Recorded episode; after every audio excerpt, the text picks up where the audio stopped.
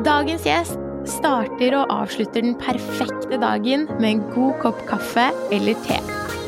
Hun har foreldre fra Pakistan, men er selv født i Norge. Hun er vokst opp på Grefsen og Sagene, men bor nå på Stovner. Hun har alltid vært opptatt av å bygge seg opp personlig, og det er kanskje noe av det som har gjort sånn at hun ser på det å skille seg ut som en styrke. Faiza Askar har også vært opptatt av å bygge seg opp karrieremessig. Hun har nå en master i regnskap og revisjon, og jobber i dag som finansrådgiver i Statskraft. Velkommen skal du være. Velkommen, Faiza. Tusen takk. Eh, først og fremst takk til begge dere to, og for at dere inviterte meg. Eh, det er utrolig hyggelig å kunne være på en så viktig samtale, så jeg ser frem til de neste 30 minuttene. Ok, da kan jo vi begynne med det første spørsmålet. Kan ikke du fortelle litt om hvordan det har vært å vokse opp med én fot i hver kultur? Hva er det du har lært, og hva er det som har vært vanskelig? Det er et veldig interessant eh, spørsmål. Eh, det er jo noe flere lurer på, egentlig, når de blir kjent med en person med to forskjellige kulturer. For eh, som det sikkert er for alle andre også, så er det vanskelig for en selv også å kunne identifisere seg med hvem man egentlig er. Er jeg pakistaner med, eh, fordi jeg har pakistanske foreldre, eller er jeg norsk?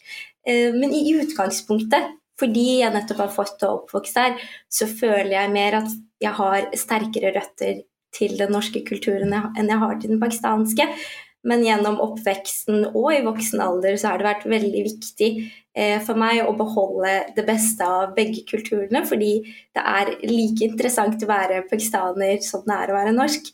Eh, og det tenker jeg er eh, noe som spicer opp den jeg er som person, fordi du får, eh, du får være litt annerledes enn mange andre, da. Og det er noe jeg også ser mange andre syns er interessant og er nysgjerrige på. Så det har absolutt vært til nå, og det tror jeg blir fremover, vært eh, kjempeinteressant å kunne være to, en blanding av to forskjellige kulturer. Hva er det du vil si liksom har vært det fine med eh, begge kulturene, hvis du skal trekke frem noen som liksom har stått ut, da? Noe som har stått ut. Eh, kulturen i Pakistan er jo veldig forskjellig fra den norske kulturen. Eh, Norge er jo først og fremst et i-land, mens Pakistan er et u-land. Eh, det er i Asia, mens Norge er i Europa. Så det er to helt forskjellige verdener. Så man tar med seg verdier som kanskje er helt motsatte av det norske verdier, men samtidig, i bunn og grunn, så er det veldig like grunnleggende verdier. Så selv om på en måte maten er forskjellig og eh, eh klærne man bruker er litt forskjellig, men det å være pakistaner og det å være norsk som menneske er egentlig ganske likt. Man har de samme grunnleggende verdiene som man er opptatt av. Så er det forskjellig det som er kulturelt, da, som er forskjellig. I Pakistan så er det mye sol, eh, mens Norge er jo et vinterland. Så det, sånne ting er jo selvfølgelig veldig forskjellig. Men i bunn og grunn så er det mange likheter også. Mm. Har det vært utfordrende da å ha på en måte to ulike kanskje kulturer da, å forholde seg til? Eh, om det er i oppveksten eller når du begynte å studere eller i arbeidslivet? Jeg vil ikke si det har vært en utfordring. Eh, som jeg nevnte innledningsvis, for meg så har det alltid vært spennende å være fra to ulike kulturer.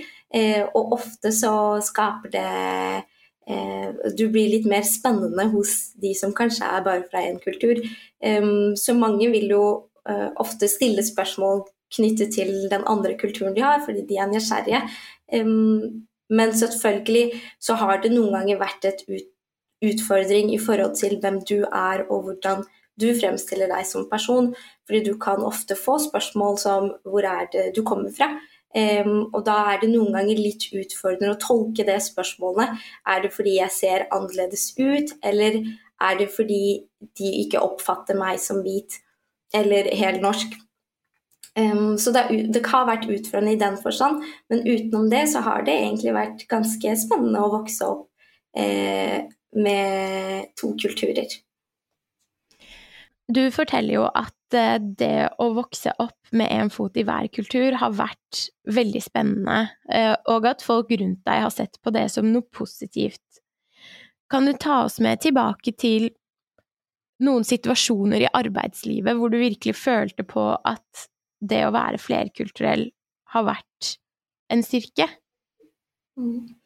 Um, jeg kan jo nevne noen få eksempler fra de ulike arbeidsplassene jeg har vært på. Um, hos en tidligere arbeidsplass så feiret vi nasjonaldagen til der hvor jeg kommer fra en gang, ved å markere det uh, ved å presentere hovedrettene da, som er kjente i det landet som kantinemat en dag. Og det var jo veldig fint for min del, for da kjente jo jeg igjen med den kulturen. Og da opplevde jeg at det var mange kollegaer som kom bort til meg og hadde eh, kommentert maten eller stilte spørsmål rundt hvordan det var å være pakistaner. Eh, og det var jo veldig hyggelig. Et annet eksempel var et jobbintervju som jeg hadde på en tidligere arbeidsplass. Hvor vi etter en veldig god, lang, formell samtale eh, kom til slutten, og så var det spørsmål om eh, han hadde noe spørsmål til meg, eller jeg hadde noe spørsmål til han. Så sa han jeg har faktisk et veldig viktig spørsmål som jeg lurer på. Eh, og da tenkte jeg nå kommer det noe faglig bomme her som jeg ikke var forberedt på. Men han lurte egentlig på hva som var forskjell på de to morsmålene som jeg har. Jeg snakker både urdu og punjabi. Og han var veldig nysgjerrig på hva som egentlig var forskjellen mellom de to språkene. Eh, og det her er jo to eksempler på hyggelige og gode opplevelser hvor du kan assosieres med en kultur som er veldig spennende, og som andre er litt nysgjerrige på. Nettopp fordi den er annerledes fra deres egen kultur. Kan ikke du fortelle litt om hvordan det var å være flerkulturell på, eh, på studiet? I begynnelsen så var jeg jo litt sånn eh, som alle studenter er. Eh, man er jo veldig spent på hva dette går i, og så handler det egentlig mye om at man skal kunne mest mulig på kortest mulig tid og være mest mulig forberedt til eksamener. Eh, så da merket jeg egentlig ikke på min bakgrunn eh, som noe, at det var noe annerledes, fordi fokuset var det samme. Så når man fortsetter litt i studiene i en typisk bachelorgrad, så begynner man å tenke på jobbsøkerprosessen og hvor man skal videre når man kommer i tredjeåret. Um, og jeg har, bak, jeg har, gått på Handelshøyskolen BI, hvor det ofte pleier å være mange bedriftsstands, hvor ulike bedrifter kommer og presenterer seg selv. Akkurat i den sammenhengen følte jeg litt eh, på at jeg var litt annerledes. Eh, og årsaken til det var at disse eh, folk som kom fra de ulike bedriftene, var ofte representert av samme type mennesker. Eh, og når jeg sier samme type mennesker, er det litt sånn litt samme stil. Jeg klarte ikke å se noen som jobbet i de ulike bedriftene, og som jeg kunne assosieres med, eller følte at jeg kunne gå og slå av en prat uten å føle at det var litt annerledes. Så akkurat når jeg kom i den fasen, så begynte jeg å kjenne litt på at jeg var litt annerledes. Men jeg må også si at det var eh, en type bias som jeg hadde selv. Eh, når jeg faktisk valgte å hoppe ut, ut, i det, når jeg faktisk gikk og snakket med de menneskene som jeg trodde var annerledes enn meg, så var de egentlig ikke så forskjellige. Jeg klarte fort å bryte den isen ved å egentlig bare være meg selv. Eh, så selv om jeg i utgangspunktet hadde en tanke om at her var de litt forskjellige, og jeg ikke turte å gå bort og prate med dem, så var det ikke så farlig. Så det handlet egentlig bare om å ta det første skrittet og gå bort til de bedriftene som jeg var interessert i, og faktisk presentere meg selv som den jeg var, og spørre de spørsmålene som jeg ønsket svar på. Mm. Det kan jeg også kjenne meg litt igjen i. Altså, du har en sånn, I bakhodet så har du liksom en sånn greie som bare er sånn 'jeg er annerledes'. Og så forsterkes det liksom når du er i situasjoner som du snakker om, da, hvor man eh, måtte føle selv da, at man ikke har noe til felles med noen som står der, at det liksom forsterkes den følelsen av at man er annerledes. Eh, og det kan jeg kjenne meg veldig igjen i, men igjen så handler det, som du sier, også om den frykten, da. Man må liksom tørre selv å ta kontakt og ta initiativ og prate med disse menneskene, på en måte ikke bare forvente at de skal liksom vite hvordan de skal forholde seg til deg, da, hvis det gir mening. Mm.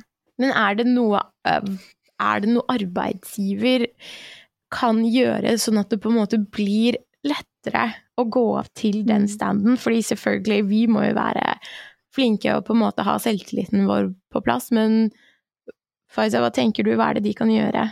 Mm. Nå, de eksemplene jeg kommer med, er jo mange år tilbake. Nå var jeg uteksaminert for fem år siden etter min mastergrad. Så ting har jo endret seg litt siden den tid.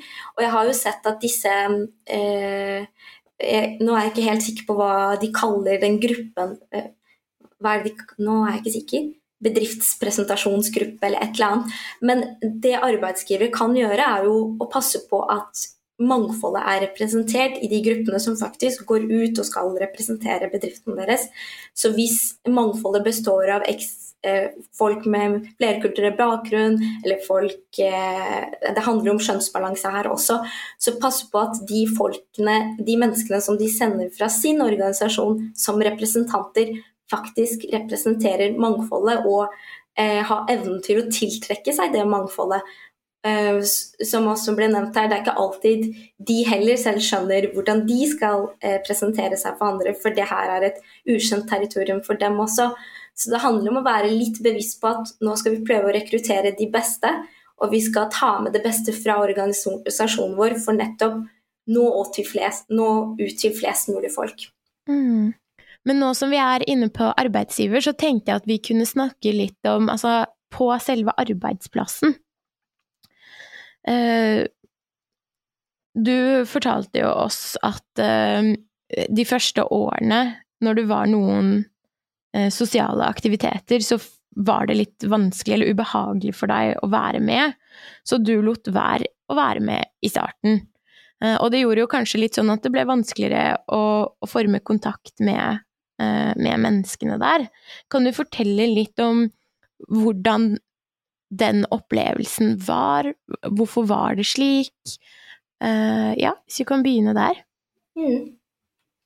Um, de eksemplene kom, eh, jeg kommer med, sånn, både som jeg har sagt og kommer til å nevne fremover, er veldig personbasert. Det er mine erfaringer. Så det kan på absolutt ingen måte generaliseres til at det kan gjelde alle, eller det faktisk er tilfellet. Det er veldig sånn subjektivt hva man oppfatter i ulike situasjoner. Men det jeg kan si, er at når jeg begynte i en av de jobbene som jeg har hatt lengst, eh, så var det mange nyansatte som startet samtidig med meg. Og det jeg ofte opplevde, var at mange aktiviteter var knyttet opp mot eh, alkohol. Eh, og jeg personlig drikker ikke alkohol, så for meg så og det er Jeg har et veldig distansert forhold til alkoholaktiviteter også. Så når jeg følte at det var veldig mye alkohol involvert, så klarte jeg ofte å distansere meg veldig lett uten å kjenne på hva denne aktiviteten egentlig handlet om. Fordi det er ikke alltid alt handler om alkohol. Det er mye mer kontekst i ulike aktiviteter som arrangeres, men alkohol er en del av det. Men for meg så var eh, Når jeg visste at det var alkohol involvert og var mange unge mennesker, eh, da ble jeg ofte litt ukomfortabel og valgte ofte å bli med. Ikke bli med. Men det her er noe og det her gjorde at jeg faktisk fikk en gruppe med venner som var lik meg. At det var også mennesker som ikke eh, ønsket å være med på alkoholaktiviteter, eller eh, ikke var med av andre grunner. Eh, så av en gruppe på kanskje 70-80 som startet samtidig med meg, så klarte jeg ikke å bygge noen relasjon til mange av dem før det hadde gått et par år. Eh, og og noe av årsaken er jo at jeg selv valgte å distansere meg. Eh, jeg kunne valgt å vært med på aktivitetene, men likevel holdt meg unna akkurat de situasjonene som omhandlet mye alkohol. Så det er jo noe, et bevisst valg jeg tok. Men det var også litt at det var lagt opp til at det skulle være litt fest, eh, feststemning, og da er det ikke alltid jeg følte at det var noe for meg. Eh, mener du at arbeidsgiver har et ansvar for å på en måte kunne inkludere alle mer, sånn at alle liksom føler seg inkludert da? Og føler at de kan delta. For én ting er jo på en måte at man gir en invitasjon til alle, men dette her med alkohol er jo altså Jeg drikker selv, men jeg syns det er ubehagelig å være med. Eh, så jeg kan på en måte ikke tenke hvor ubehagelig det er for eh, de som liksom ikke drikker også, da. Men ja, hva tenker du? Og det å være med på en aktivitet eller drikke eller ikke drikke, det er jo veldig individuelt, så det er jo et valg man tar eh, selv. Og jeg vil ikke si at det ene er bedre enn det andre, men det er et, en livsstil som enkelte personer har valgt. Da. Så det, det skal sies at det er veldig vanskelig for arbeidsgiver å måtte tilpasse seg ett enkeltindivid og legge opp aktiviteter med 100 mennesker etter hva et, menneske eh, et, menneskes behov er. Men samtidig så er det det å kunne tilby variasjon av aktiviteter. Det handler ikke om at alle aktiviteter skal være uten alkohol, for det er jo ikke noe gøy for de 99% som faktisk drikker. Men det handler om at arbeidsgivere må kunne tilby ulike typer for aktiviteter, slik at de som kanskje ikke drikker, også har mulighet til å være med på aktiviteter og føle seg komfortable. Mm. Eh, jeg har en tidligere kollega som faktisk eh, sa en gang til meg at Faisa, kan ikke du arrangere en fest? da? Det hadde vært kjempekult. Non-alcoholic.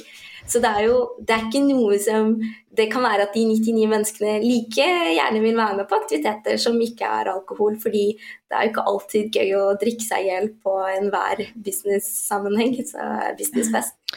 Ja. Jeg føler at liksom mange også er med på de aktivitetene fordi det kanskje er det eneste som man har, da. Så det blir liksom den eneste måten å kunne kanskje bygge relasjoner på, da. Eh, litt utenfor bare jobbsammenheng med kollegaer. Mm. Så hvis man kanskje hadde hatt muligheten til å kunne drive med andre aktiviteter, så betyr ikke det nødvendigvis at, ja, som du sier da, at folk ikke ville deltatt. Mm. Men nå har jo vi snakket litt om arbeidsgivers ansvar. Eh, hvilket ansvar har, har man selv? Altså, hva er det man selv kan gjøre for å skape dette Eh, inkluderende miljøet, fordi det føler jeg er litt lite fokus på i sånne debatter. Det er liksom alltid arbeidsgiver som kan gjøre ditt og datt.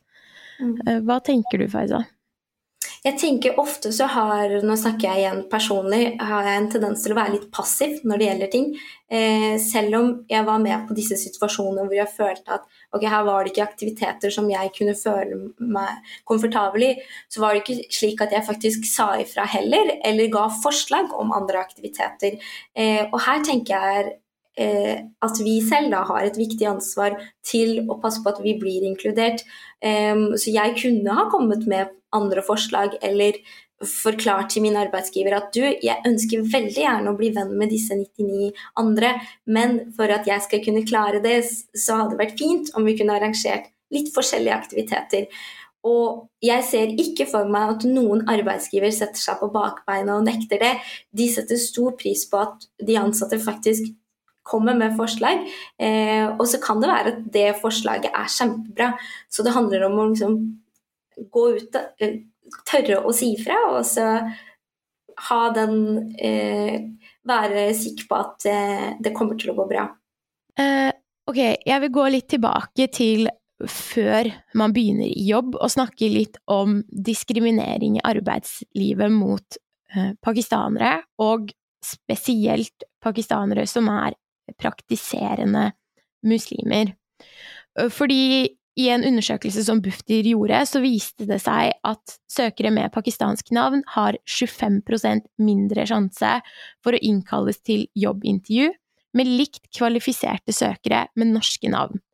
Og hvis de i tillegg var synlig religiøse, så hadde de bare 10% sjanse for å bli innkalt til intervju, sammenlignet med 30% hos majoritetssøkere som hadde ikke da religiøs tilknytning. Jeg vil spørre deg, hva er det du tror er grunnen til eh, denne diskrimineringen? Eh, hvorfor skjer det fortsatt i dag? Mm. Det er uh, skremmende tall, selv om det er uh, en 10 du nevner her. Men at det fremdeles eksisterer, er uh, veldig vondt å tenke på. personlig så har jeg ikke eh, vært eh, hva skal jeg si, offer for diskriminering. Jeg har følt at eh, alle mine arbeidsgivere har respektert eh, den jeg er som person. Og ikke vært veldig hva skal jeg si, Ikke stilt noen spørsmål eller behandlet meg annerledes pga. min kultur eller min religion. Men samtidig så føler jeg at grunnen til at det eksisterer, er mangel på kunnskap og mangel på respekt på at andre er annerledes enn de verdiene og tankene man selv har. Så her eh, tenker jeg at det er viktig for arbeidsgivere og alle andre å tenke at eh, respekten for hvem et enkeltindivid er, bør legges høyere enn hvilke verdier eller tenker man selv har. Og når man har den tankegangen, så slutter man å se eh, Da starter man å se mennesket som det det er, og ikke hvilken religion eller kultur det har. Fordi eh, vi, har snakket, har, vi har snakket om det her tidligere, men selv om jeg har en pakistansk eller muslimsk bakgrunn, så har jeg faktisk en eh, utdannelse fra Handelshøyskolen BI. Og det er på lik linje med en utdannelse alle andre har. Så det jeg kommer til å prestere på min arbeidsplass, det vil være akkurat det samme som en mm, som er kanskje ikke religiøs eller er helnorsk, vil kunne prestere. Så her er det viktig at man ser bort fra det som er forskjellig, og heller fokusere på hva man, hva man, presterer som person i forhold til arbeidsoppgavene som man er tiltenkt å gjøre. Um, så her føler jeg at arbeidsgivere har en stor rolle i forhold til å se bort fra det vi kaller for unconscious bias, for det eksisterer. Og det handler nettopp om at man har en forhåndsteori, en tanke om hvordan enkeltindivider er, og så putter man dem i en bås basert på kanskje hvilken bakgrunn de har. da. Så her må man jobbe med å få bort den biasen, og så må man tenke at nå skal du ansette et enkeltindivid. Du skal ansette Faisa, du skal ansette Kimia eller du skal ansette Sevgi. Og så må vi bli kjent, hvem, kjent med hvem hun er.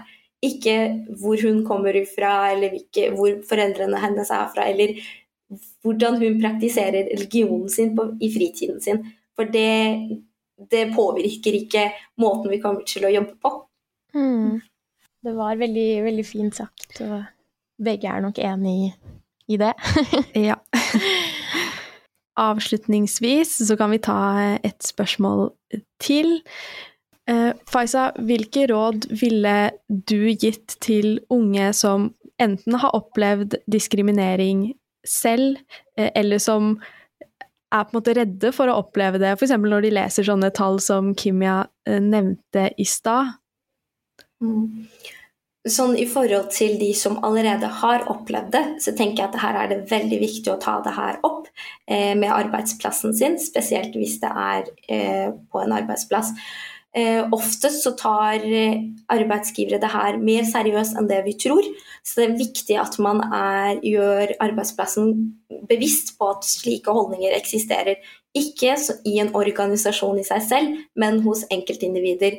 Og her er det viktig at man um, tar det opp, slik at eh, det kan løftes opp til høyere hold eventuelt, og at man jobber bevisst med å eh, eliminere eller fjerne disse typer holdninger. Når det gjelder unge som ikke tør å eh, søke jobb f.eks., eller er redde for at deres bakgrunn, kulturelle bakgrunn eller religion skal være et hinder, eh, så vil jeg si at her må man bare tørre å være seg selv. Eh, for folk tar deg noen ganger bedre imot hvis du er deg selv. Og her må man være stolt av den man er, tørre å eh, vise sine styrker. og så får man heller ta de kampene som kommer underveis, eh, med et smil. For det tenker jeg at hvis du har styrke og selvtillit nok til å stå for den du er, så går veien videre lettere jeg tror det er et gjennomgående trekk i alle flerkulturelle vi har sett, som på en måte gjør det veldig bra, at de er skikkelig trygge på seg selv. Og selvfølgelig, diskriminering kan skje, men det har ikke vi kontroll over. Det vi har kontroll over, er, er oss selv. Og igjen, ja, du Det kan hende du møter på diskriminering fem ganger, men til slutt så er det noen som vil på en måte se deg for den du er, og de kvalifikasjonene du har, og jeg tenker det er uansett der du vil jobbe. man må passe på at ofte så setter man sine egne boundaries. Um, og det må man kanskje jobbe litt med. at Man må ikke sette, man må heller se uh, hvilke muligheter man har, og ikke begrense seg til de hva skal jeg si, de ulempene og alle hva skal jeg si, begrensningene man tror man har.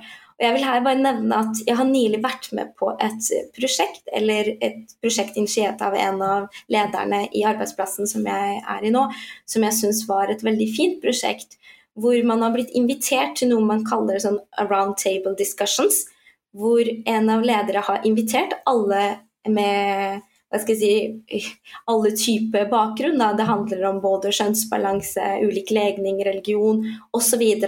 Til diskusjoner hvor man skal bevisst jobbe mot mangfold og inkludering. Så jeg tenker en veldig, veldig fin ting som jeg vil bare nevne at arbeidsgivere kan jobbe med, er å faktisk inkludere de flerkulturelle i organisasjonen sin til å faktisk jobbe med arbeidet eh, om å skape et mer mangfoldig miljø.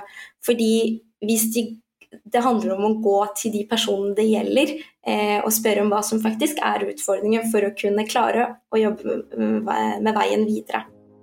Nei, men uh, tusen, takk for at du, tusen takk for at du kom hit i dag og delte så mye med oss. Og jeg, jeg syns de rådene du har gitt til arbeidsgiver, har vært uh, veldig, veldig konkrete og veldig gode. Og så syns jeg det du har løftet frem, å liksom være trygg på seg selv er, eh, er et veldig godt råd da, til, eh, til unge. Så, Tusen takk for at jeg fikk delta. Takk for at du ville være med. Ja.